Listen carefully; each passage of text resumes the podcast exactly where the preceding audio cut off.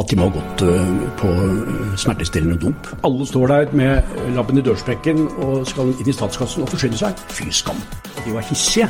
Det minnet meg litt om øh, da jeg tråkket i et jordvepsebol under landsleiren på, på Lillehammer i 1968 og ble innlagt på Lillehammer sykehus med 44 jordvepsestikk.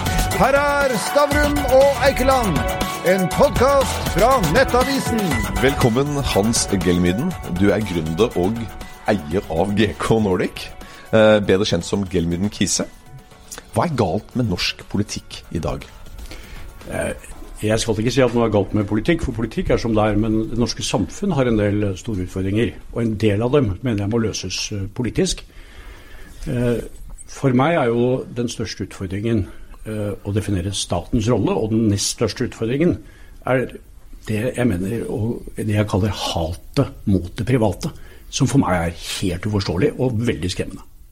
I nyhetsbrevet ditt, som faktisk er veldig godt, så, så skriver du om sist, ved siste stortingsvalg hvor mange det var som kom fra offentlig sektor, fra interesseorganisasjoner og privat sektor. Og privat sektor er klart mindretall. Det er bare folk som er vant til å bruke andres penger, skriver du stort sett. Er det et problem? Det er et stort problem. Det er 19 eh, av dagens eh, stortingsrepresentanter som eh, kommer fra privat sektor.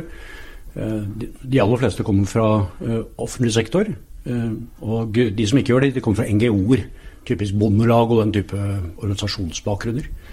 Eh, Og det betyr at de stort sett har erfaring med to-tre ting. De har erfaring med å innskrenke frihet. De har erfaring med å kontrollere. Og de har erfaring med å bruke andres penger. Det er det de kan. Nå har vi jo vært gjennom en, eller vi er jo midt inne på så vidt en pandemi, men vi har jo aldri brukt mer penger og innskrenka andres frihet mer enn det siste året. Hva syns du om det ut fra et sånt liberalistisk synspunkt? Eh, Jeg må understreke eh, at som konservativ er ikke jeg, har ikke jeg noen statsallergi. Eh, Jeg tenker at vi ikke trenger en stor stat, men vi trenger en god stat. Som konservativ jeg, har jeg lært av Burke at et godt samfunn har sterke institusjoner. Og det er statens oppgave å bygge de institusjonene. Da tenker jeg på en sterk skole, et sterkt rettssystem, et sterkt helsevesen. Um, og så tenker jeg at statens viktigste rolle er å beskytte oss. Eh, og det har den gjort under denne pandemien. Og jeg tenker at regjeringen skal ha stor ære for en del, en del av det den har gjort under pandemien. Men det den altså kan, det er å stenge ned og innskrenke friheter.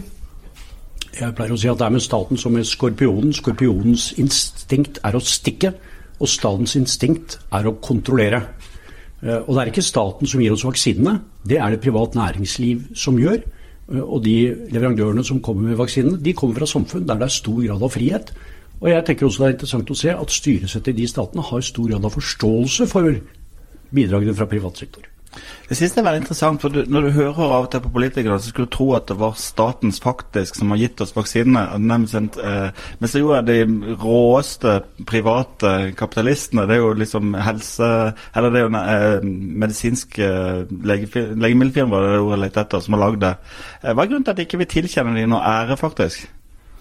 Eh, Jeg tenker jo at eh, en av grunnene er at eh, politikere eh, er opptatt av å fremstå som helter for å vinne valg, og det er snart valg.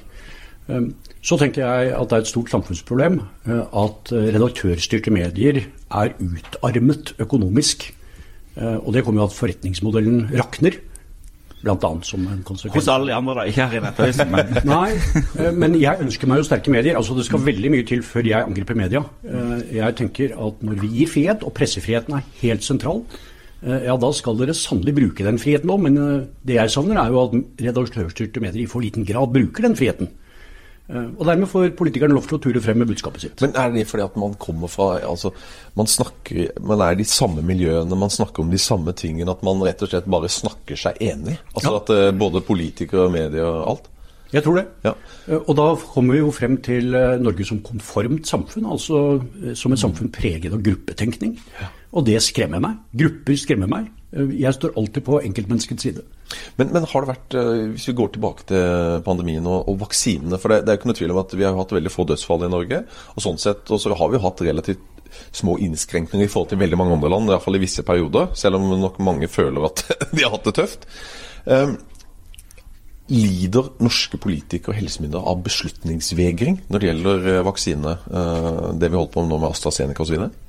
Eh, Ja, altså, eh, Kvinnslandsrapporten viste jo at dette kom litt brått på dem, selv om eh, Direktoratet for sivilt beredskap har fortalt ganske lenge at en pandemi er overveiende sannsynlig. Vi har jo hatt både svininfluensaer og fugleinfluensaer og gud hva det heter tidligere. så vi burde jo ikke være så kjempesjokkert. Um, og Derfor ble vel den første fasen preget av stor grad av improvisasjon fra myndighetenes side. Det virker jo som FHI var et vandrende anarki da dette skjedde. Og eh, Helsedirektoratet ble jo slått ut selv av pandemien. Eh, Men når man først må improvisere, så syns jeg jo egentlig at regjeringen og myndighetene improviserte ganske godt, da. Og det er vel egentlig hovedkonklusjonen i Kvinnsland-rapporten også. Det er jo veldig pussig å se på. for Altså, du, du, det driver bl.a. med krisehåndtering, og kriseberedskap er jo et stikkord. Liksom sånn, når vi vet at pandemi er en sannsynlig scenario, så syns jeg det er rart at vi liksom syv måneder inn i pandemien lurer på når vi skal vaksinere statsministeren. At ikke vi har planer for det aller enkleste. Ja, eh, og så er det jo også eh, Vi har vært så vidt inne på gruppetenkning, men det er jo også interessant å se hvor lite fornuft man bruker når man tenker hvordan man skal prioritere de få vaksin- vaksinedoser man har fått. Bl.a. fordi man her har hengt seg på EU, som jo har satset veldig mye på AstraZeneca. Fordi både fordi AstraZeneca er britisk og svensk, fra, så da var det liksom EUs vaksine. Men det skar seg jo, og nå sier vi at den vil vi jo ikke bruke. Vi vil ikke bruke Jensen-vaksinen heller, så vidt jeg forstår. Men i, men i UK, da, altså viser jeg til et annet nyhetsbrev du skrev, som jeg syns var litt interessant. og Det er jo da ledet av Kate Bingham. Som er da sjef for eh, Ja, det var en fascinerende vaksin- Ja, ikke sant? Eh, Vaksineutrullinga i, i, i UK. Eh, Og de har gått fra å være verstingene, egentlig, eh, med masse død, til å bli best i klassen. Og det hun sier og hun er venture capitalist. eh, og det vil da si at i WC er vi vant til å håndtere risiko på mangelfullt faktagrunnlag, og vi beslutter raskt. I går så fikk jo Bent Høie eh, faktagrunnlaget for dette ekspertutvalget som var satt ned. Eh, og, og det har tatt to måneder. Og da tenker jeg sånn Hvorfor klarer de ikke å bestemme seg raskere? UK klarte det, og de er nå snart fullvaksinerte. Eh, noe av det best peneste jeg kan si om det norske demokratiet, er at det er kunnskapssøkende. Eh, og, og det tar litt tid for noen å la kunnskap synke inn. Nå så Ja. ikke jeg si at Høie har spesielt tungt for det, eh, men det tar litt tid eh, å komme frem til disse beslutningene. Og så tenker jeg egentlig at staten har tid, og mer tid enn man kanskje har i det private næringslivet. Eh, Jeg har stor respekt for hvor komplisert det er å være politiker. Jeg har stor respekt for hvor komplisert det er å være statsråd. Eh, Og så skulle jeg ønske at eh, offentlig sektor hadde litt mer respekt for hvor komplisert det er å lede i private virksomheter. Altså litt mer respekt på begge sider. Men du nevner Bingham. Mm. Og hun er jo ikke bare venture capitalist. Hennes mann er rådgiver for den britiske finansministeren, hvis du husker riktig. Hun er selv utdannet biolog. Og jeg tenker det at man plukker inn en til å lede dette vaksineutvalget når myndighetene i Storbritannia under ledelse av Boris Johnson ser at nå, eh, nå må vi komme på offensiven her, eh, er interessant. Det er ingen i FHI eller Helsedirektoratet som har jobbet med venture capital. for å si det sånn. De har rett og slett ikke den kunnskapen, og regjeringen har den heller ikke. Så de, så de forstår ikke dynamikken her. Og i dette intervjuet jeg viser til den teksten, eh, som sto i, eh, intervjuet sto i Financial Times eh, 5. april eller noe sånt, eh, så sier hun at det er interessante forskjeller mellom offentlig og privat sektor. Fordi i offentlig sektor så definerer man lett hverandre som motpoler. I privat sektor så definerer vi hverandre som samarbeidspartnere. Man får jo mer til hvis man definerer seg som samarbeidspartner og vil hverandre vel, enn hvis man definerer seg som motpoler og ønsker å skyte hverandre ned. Og så sier hun, eh, som du sier, siterer henne på, eh, er, eh, vi er forberedt på venture capital at ting vil gå galt. Og når det skjer, så finner vi løsninger. I offentlig sektor så blir det jo rævkjørt hvis noe går galt. Så offentlig sektor er jo en angstmaskin. Alle er livredd eh, for å gjøre noe feil, og alle dekker seg bak hverandre eh, for å unngå å bli hengt ut. Eh, Og da tenker jeg du er inne på en av grunnene til at det tar litt tid for Høie å bestemme seg. Alle dekker seg bak hverandre. Ingen tør å stå frem. Ingen tør egentlig å ta ansvar. Men du, din, din karriere har jo ikke vært prega av at du har vært redd for å stikke deg fram og si ting som har vært upopulært. Men har du blitt litt mer engstelig i det siste? Nei, jeg har ikke det. Men jeg syns en del av problemstillingene vi står overfor nå, er uh, nye og kompliserte. Uh, og da tenker jeg det er all grunn til å koble inn Kanemann system 2 og tenke litt. Mm. Du tar den siste eh, stormen du var i. Da brukte du ordet kebabnorsk, som du senere beklagde. Jeg forstår ikke den beklagelsen. I mitt hode så er kebabnorsk nokså betegnende på ting vi alle vet hva betyr, og det har til og med stått på trykk i bokanmeldelser i VG. Så å bruke det ordet i seg selv syns jeg ikke kan være Det ville jeg gjort i en, i en situasjon hvor jeg syns det var dekkende. Jeg uh, ser at veldig mange var overrasket over at jeg beklaget både den uttalelsen og uttalelsen jeg serverte i forhold til vestlige verdier, som altså ikke hadde noe med noe annet å gjøre enn at jeg ble kritisert for å ha gitt et intervju til Resett. Mm. Det, var, det var da jeg sa, som gammel redaktør selv, så står det i redaktørplakaten at det står meg fritt å snakke med hvem som helst, til og med Nettavisen eh, eller Resett. ja. uh, det står meg fritt. Og når jeg blir angrepet for at jeg bruker den friheten, Ja. da sier jeg da må du lese deg opp på norske samfunnet. Det var konteksten. Ja. Eh, Hvorfor beklager du det? Og så til, hvor, og så til beklagelsen. Eh, jeg eh, brukte journalistiske metoder for å finne ut hva i himmelens navn som traff meg nå. For, for det ble jo et forferdelig spetakkel. Og jeg, og jeg liker bråk, jeg. Jeg syns det er fint at det surrer, surrer litt rundt meg. Men her hadde jo en hel bisverm etter meg plutselig. Og det gikk jo innmari fort. Og de var hissige. Det minnet meg litt om eh, da jeg tråkket i et jordvepsebol eh, under landsleiren på, på Lillehammer i 1968 og ble innlagt på Lillehammer sykehus med 44 jordvepsestikk. Og så, så jeg tenkte hva er det som skjer nå, egentlig? Ja, og så var det min datter, primært. Hun er 18, hun er russ, eh, hun er russ nå. som sier 'far, nå hørtes du ut som en gammel gubbe'. Det tenkte jeg var en så sterk insinuasjon at jeg burde ha saksøkt henne, egentlig. Men så hadde hun jo litt rett. Eh, For her var det noe Husk på, dette skjedde altså eh, altså tre-fire uker etter George Floyd. Det var en helt ny situasjon. mm. Og det ble tolket inn i den samme konteksten, selv om mine uttalelser egentlig falt i sammenheng med et forsvar eh, for mangfold. Jeg har jo dyrket mangfold hele mitt liv. Og i firmaet som jeg eier, så har vi jo alltid dyrket mangfold av alle dimensjoner av mangfold. Det var derfor, det var derfor nokså mange ble overraska over at du faktisk gikk tilbake på uttalelsen. Nettopp. Men i Norge, i Norge nå Men i, den, men i denne sammenheng, Gunnar, Ja. så var det ett mangfold eh, som jeg ble kjørt på. eh, Og det var ikke LHBT, eh, det var ikke eh, kjønn, eh, det var ikke alder, det var ikke utdanning, det var ikke sosiologi. Men det var etniske minoriteter og etnisk mangfold. Eh, Og, eh, og da måtte jeg lese meg opp. Eh, Og jeg mener faktisk eh, at det er nokså godt dokumentert eh, at vi i Norge et land som ligger litt syd for Nordpolen, er ganske dårlig trent i håndtering av minoriteter og etniske minoriteter. Eh, At vi på vår alder, jeg er 64, eh, har eh, levet eh, i et eh, samfunn hvor vi som tilhører den norskfødte majoriteten, i litt for liten grad har sett de utfordringene den etniske minoriteten har.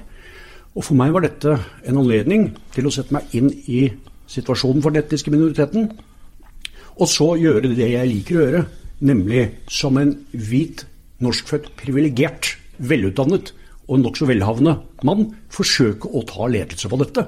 Og være med på, som kommunikasjonsressurs, å styrke dialogen mellom denne minoriteten, som faktisk, hvis vi tenker på den delen av den som kommer fra muslimske samfunn, bare er 7-8% av Norge. Det er få. Hvis ikke, hvis ikke vi som er privilegerte skulle klare å snakke med disse få menneskene som har kommet hit og som er en ressurs, og klare å etablere en dannet, sivilisert dialog, ja da syns jeg vi skulle skamme oss. Det var hovedårsaken til at jeg var munnskyldning. Og den andre grunnen var at jeg plutselig eh, jeg, jeg har jo alltid likt å sparke oppover. Jeg sparker gjerne litt til siden òg, men nedover. Det liker jeg ikke. Her sparket jeg nedover. Og det mislikte jeg meg selv for. I Norge da har vi en straffelov eh, som forbyr å vise ringeakt for eh, fire definerte grupper. Altså ringeakt, vise manglende respekt for, er straffbart.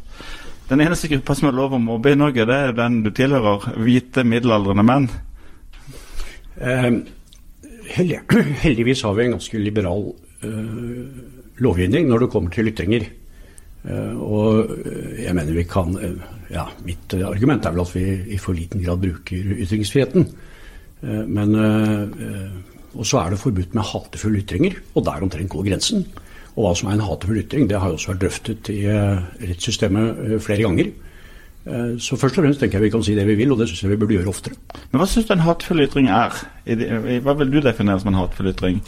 Jeg, jeg tenker det er veldig greit å konsentrere seg om å ta ballen, ikke mannen. Rett og slett.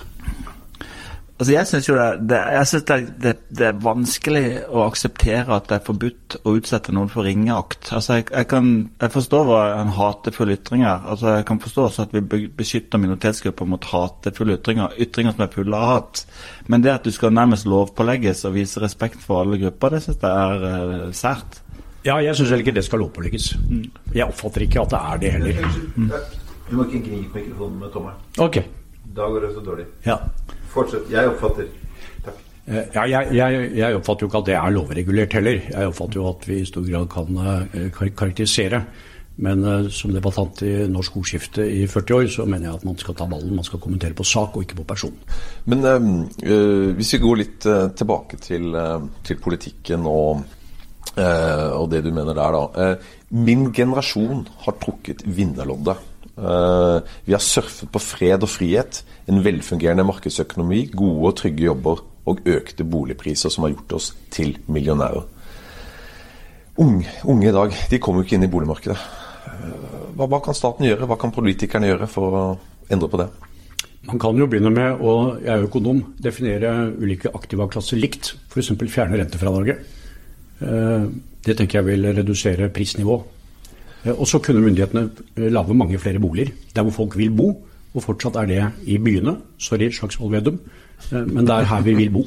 Og der tenker jeg at det offentlige har et ansvar, at kommunene har et ansvar, at de klarer å regulere mer. Mm. Veldig mye av bør kanskje ikke si dette, men det er jo overraskende mange ting i Norge når det kommer til regulering, som er selvregulert. Finanssektoren er ganske selvregulert på mange områder. Eh, olje- og offshoresektoren er ganske selvregulert på mange områder. Boligbygging og byutvikling er ganske selvregulert og har et eh, plan- og bygningssystem. Eh, men jeg tenker at man altså må lage mange flere boliger der hvor folk vil bo. Vi må videre inn, vi må videre inn i identitetspolitikk og krenkesituasjonen. Med, med din ferske lærdom, er det grupper og temaer du ikke har lyst til å gå inn i debatt om? Nei. Men jeg jeg kjenner jo min besøkelsestid. Det er jo ikke alle temaer jeg kan nok om. ikke sant? Mm. Oppfatter du deg selv som en, som en, gammel gubbe som har tenkt de tankene du har tenkt å gjøre her i livet? Nei, det hadde jeg ikke giddet å be om unnskyldning heller. Nei. Så du aksepterer Nei. ikke å få den uh, merkelappen på deg? Nei, det syns jeg er ganske urettferdig. Jeg, uh, jeg, har alltid vært opptatt av å være min egen herre. Uh, og det betyr å stå på egne bein. Uh, jeg var alltid inspirert av Brann da jeg leste Ibsen. Og jeg var eh, inspirert av eh, heter han ikke Bjarte fra Sumarhus i eh, Moxnes' bok 'Sin egen herre'. Mm. og da tenker jeg at man lærer mye. Jeg tenker at man er, er du åpen, så er du evig oppdatert. Mm. og du må forstå, hvis du er et åpent menneske, at du bommer litt innimellom. Eh, apropos Bingham. Noen ganger så, så, så, treffer man litt til side for mål. Jeg husker da jeg ble konfirmert, så sa min gamle prest i Snarøya menighet, Trond Tronsen, at å synde, det er å skyte utenfor mål hans. Og jeg har syndet meget. Men eh, jeg har også truffet noen ganger. Ja. Eh, og jo mer du gjør den øvelsen, jo oftere treffer du. Så det er min filosofi. Men Litt videre på dette med generasjonsregnskapet. Jeg leste et annet nyhetsbrev du skrev hvor du mente at egentlig politikerne istedenfor å kaste penger etter alle formål som kommer løpende, så burde de kanskje spare penger for, uh, for, også til neste generasjon, og også løse klimakrisen. Så tenker jeg Denne forestillingen om at neste generasjon bør arve penger i utlandet istedenfor et land med en god infrastruktur som går av seg sjøl, eh, er det der du er? Nei, uh, men jeg er overrasket Eh, over stillstanden i de politiske idéverkstedene. Eh, jeg tenker, eh, når man leser partiprogrammene som er til avstemning på landsmøter denne våren, at de må ha gått på smertestillende dop. Altså, det er resirkulerte gamle strateginotater. Det er knapt én ny idé. Og det er ekstrapolering av tidligere synder på høyger. Altså Man bare fortsetter å kaste penger i hytt og pinne. Og så rike er vi ikke. Men altså, har Erna spilt uh, fallitt? Eh, nei, men Erna er jo en veldig pragmatisk eh, statsminister. Eh, og det har hun alltid vært. Det mener jeg er styrke. Altså, jeg legger ikke skjul på Jeg er en av Erna Solbergs største fans i dette, i dette samfunnet. Mm. og når jeg tenker på hva som er alternativet til henne, så blir jeg en enda større fan. Så jeg håper virkelig at hun, hun vinner valget. Men vi har aldri brukt så mye penger som under Erna? Nei. og så kan man si at man er innenfor handlingsregelen, men jeg syns det er en ganske tynn unnskyldning. Og Jeg hadde en kollega i gamle dager som het Rune Gerhardsen, og Rune fortalte om sin far, Einar Gerhardsen, at han kunne bare stikke nesen ut av vinduet på Tøyen og kjenne hvilken vei vinden blåser. Eh, og sånn er, tror jeg det er litt med meg også, fordi jeg er så mye rundt omkring, og jeg snakker med så mange mennesker hver eneste dag, og jeg, er, jeg får lov å snuse på så mange fantastiske problemstillinger hele tiden. Eh, at, at, jeg tror av og til at jeg er ganske god til å merke hvilken vei vinden blåser. Og i noen grad lever jeg av den forståelsen også. Mm. Jeg tror man kan vinne dette valget på å stramme inn. Jeg, jeg, tror altså noe helt annet enn det alle de partiene som har hatt landsmøter til nå, tror. Eh, jeg tror ikke mennesker i grunnleggende sett over tid er korrupte. Og jeg tror lederskap handler om eh, å forstå eh, hvem vi skal bygge fellesskap for nå. Og det er ungdommen. Derfor uketeksten til ungdommen. Mm. Til ungdommen jo, går jo på hvem som får regningen. Ja, ja. Den går til ungdommen, ja, mener jeg, for disse skyldene. For på et eller annet tidspunkt så vet jo vi økonomer at man ikke kan gjøre oppregning uten vert. Eh, og det gjelder også Norge. Eh, og så gjelder det å bruke ressursene i den retning hvor de kaster best av seg, hvor de bygger mest fellesskap og hjelper dem som virkelig skal hjelpes. Og det, karer, det er ikke oss på 64. Vi har fått den hjelpen vi trenger. Nå er det unge mennesker uh, som trenger den hjelpen. Det er unge mennesker som har angst. Jeg har ikke sett en sånn angst i en gruppe på mine 64 år siden jeg så disse døgeniktene som kalte seg 68-ere. Vi avskydde dem. Mm. Og som hadde atomangst. Nå er unge mennesker redde. De men, trenger fellesskap, og de trenger støtte, og de trenger tro. Ja, men, men, eh, det er jo ingen som har gått uh, til valg på økte skatter og, og, og vunnet, nesten. Men, men ergo så må du jo kutte noe sted. Uh, og, og, hvor vil du For du vil jo ha en sterk offentlig sektor, har jeg forstått? Altså du vil jo ha bra Nei, det sa jeg ikke. Jeg sa en god offentlig sektor. god offentlig sektor. god og sterk, ok, greit. Men, men hvor, hvor vil du at man skal kutte? Ja, Det må jo være den enkleste ting i verden, for nå øser man jo ut uh, penger i hytt og pine. Og eh, Nå husker ikke jeg tallet. altså Vi har eh, ca. en tredjedel av oss arbeider i offentlig sektor. og la meg si at 6-67 eller noe sånt nå av hele norsk økonomi går gjennom offentlig sektor. Det er et veldig stort tall. og Eh, vi er jo blitt et trellfolk. Vi står jo med luen i hånden. Det er ikke bare bønder som kjører traktor til byen. Hele kultursektoren. Alle står der med labben i dørsprekken og skal inn i statskassen og forsyne seg. Fy skam! Det blir ikke noe stolthet av det, det blir ikke noe nytenkning av det, og det blir ingen glede av det. Så det må vi slutte med. Men er ikke det veldig vanskelig å slutte med det? Altså, du pekte på at det var bare en femtedel av de som er valgt inn på Stortinget som kommer fra privat sektor. Men det er jo også blant velgerne så lever jo Eh, noe sånn som 60-70% av offentlige budsjetter, enten som ansatt eller som trygdemottaker. Jo, det er veldig vanskelig å slutte med det. Ja. Og, du, og, du vet, Det som er utfordrende i demokratiet, som jo er en fantastisk styreform, det er jo at beslutninger tar ganske lang tid i demokratiet. Og demokratiet klarer sjelden å fatte riktige beslutninger før de må. Og vi må ikke nå. Mm. Vi må ikke nå. Vi har verdens største sovereign wealth fund. Eh, vi kan funde på den måten sikkert i 2040-2050. Vi må ikke nå. Men er vi kloke, så gjør vi det nå. Men så har du det fenomenet at det er mye lettere å Altså Hvis du, hvis du skal innføre et land som gir, gir, små fordeler for veldig mange, men store ulemper for ganske små, så, ta, så, har du tapt saken. For de små som har store ulemper, de klarer å kjempe det ned. Du, det at folk flest ville spart noen kroner på at uh, bøndene fikk mindre penger, uh, det er vanskeligere å stå for enn at uh, bøndene tar traktor til byen. Så interessegruppenes innflytelse på politikken, og der er jo du inne. Du hjelper disse gruppene. Ja, og det er, en, det er jo en pågående ethvert demokrati er en pågående interessekamp, naturligvis. Mm. Men det undergraver jo ikke det politiske lederansvaret. Så det er det jeg snakker om nå. Det er noe, dette er jo ikke noe nytt ved demokratiet. Demokratiet handler jo alltid om høring, og på torven i gamle Aten. Og, men det er jo til slutt noen som må lede en beslutning og ta et ansvar. Eh, og Det ansvaret ser jeg ikke i denne landsmøtesesongen. Jeg syns ikke det er noe tydelig retning. Jeg var litt glad i går, faktisk, for da tror jeg Solberg sa det er ikke sikkert at vi skal fortsette å øke alle kostnadene. Kanskje vi skal eh, sette oss ned og tenke oss om litt. Eh, og jeg tror vi er ved et sånt punkt hvor veldig mange velgere etter hvert tenker at vi trenger noen politiske ledere som også våger å ta noen upopulære beslutninger. Men hva er, du, hva, er du, hva er, du, redd for? For jeg tenker, Hvis du er ung i dag, jeg skjønner at du kan bli redd, men altså, vi har jo da et oljefond som er dobbelt så stort i dag enn det var da Erna overtok. Vi har jo råd til å helle på å pøse oljepenger inn i økonomien i mange, mange år. Eh, klimakrisen er reell, men den er jo løsbar. Altså, ser du ikke at vi også kan løse dette? Ich habe keine Angst. Jeg har da virkelig ingen angst. Nei. Eh, men eh, vi deltar jo i en debatt for å se hvordan vi kan gjøre ting bedre sammen. Ja, Men du refererte til de unge. altså Har de en reell grunn til angst? Eh, ja, det mener jeg de har. Mm. Fordi det er Altså, Da jeg gikk ut fra Norges handelshøyskole i 1979, så var det i hvert fall én ting som var helt sikkert. Jeg skulle aldri jobbe for staten. Jeg var, hadde fått forklart av min far at hvis man jobbet for staten, ble man aldri glad. Så det var helt klart.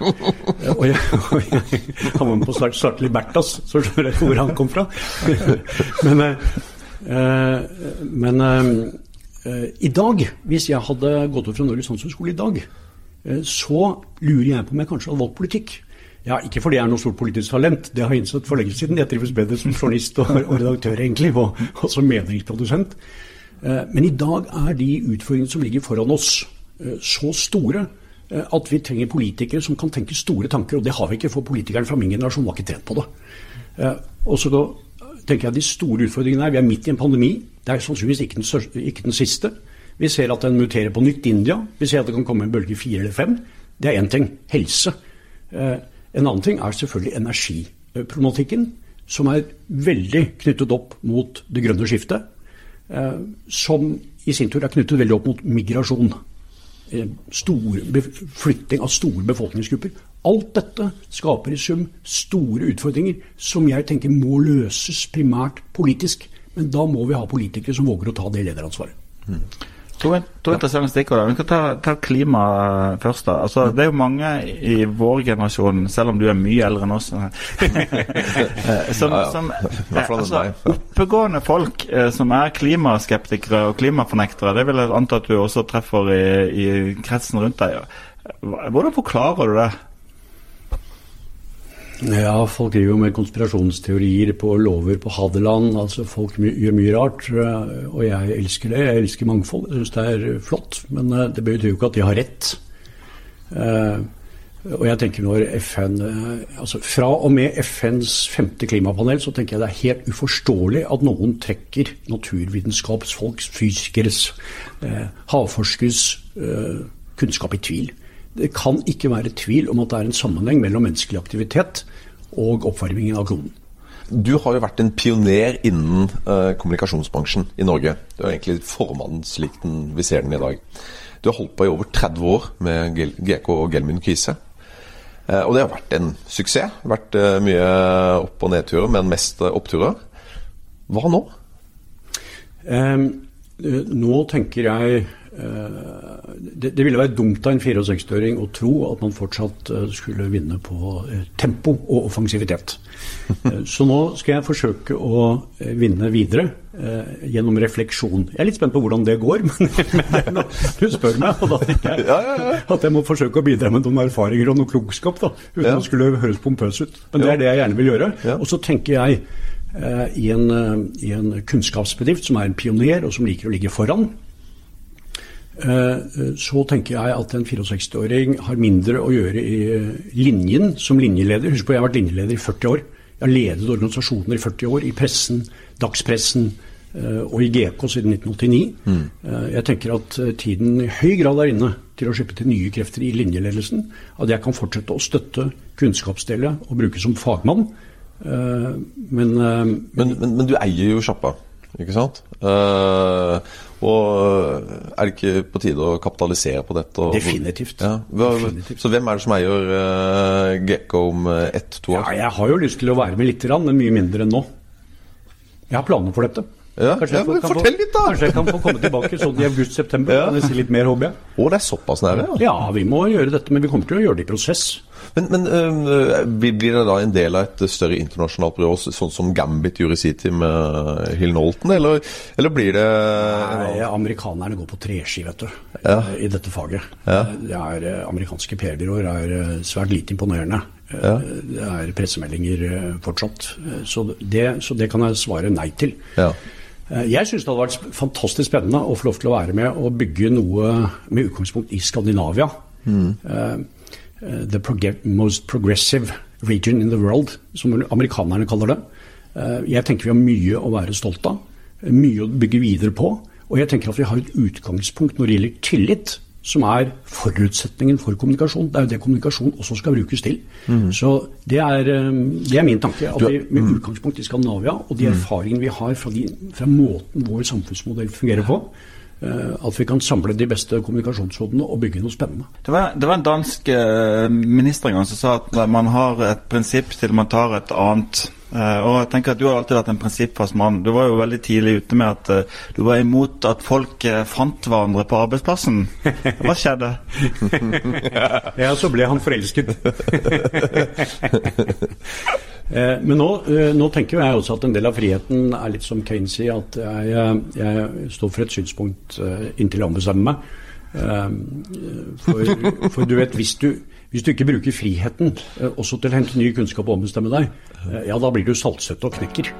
Så det er ganske dumt, da. Men du, men, du, men du må ha et ståsted. Og mitt ståsted er alltid på enkeltmenneskets side. Og på frihetens side. Det tenkte Også jeg- friheten til å velge ektefelle. Du fikk Stavrum og Eikeland, en podkast fra Nettavisen.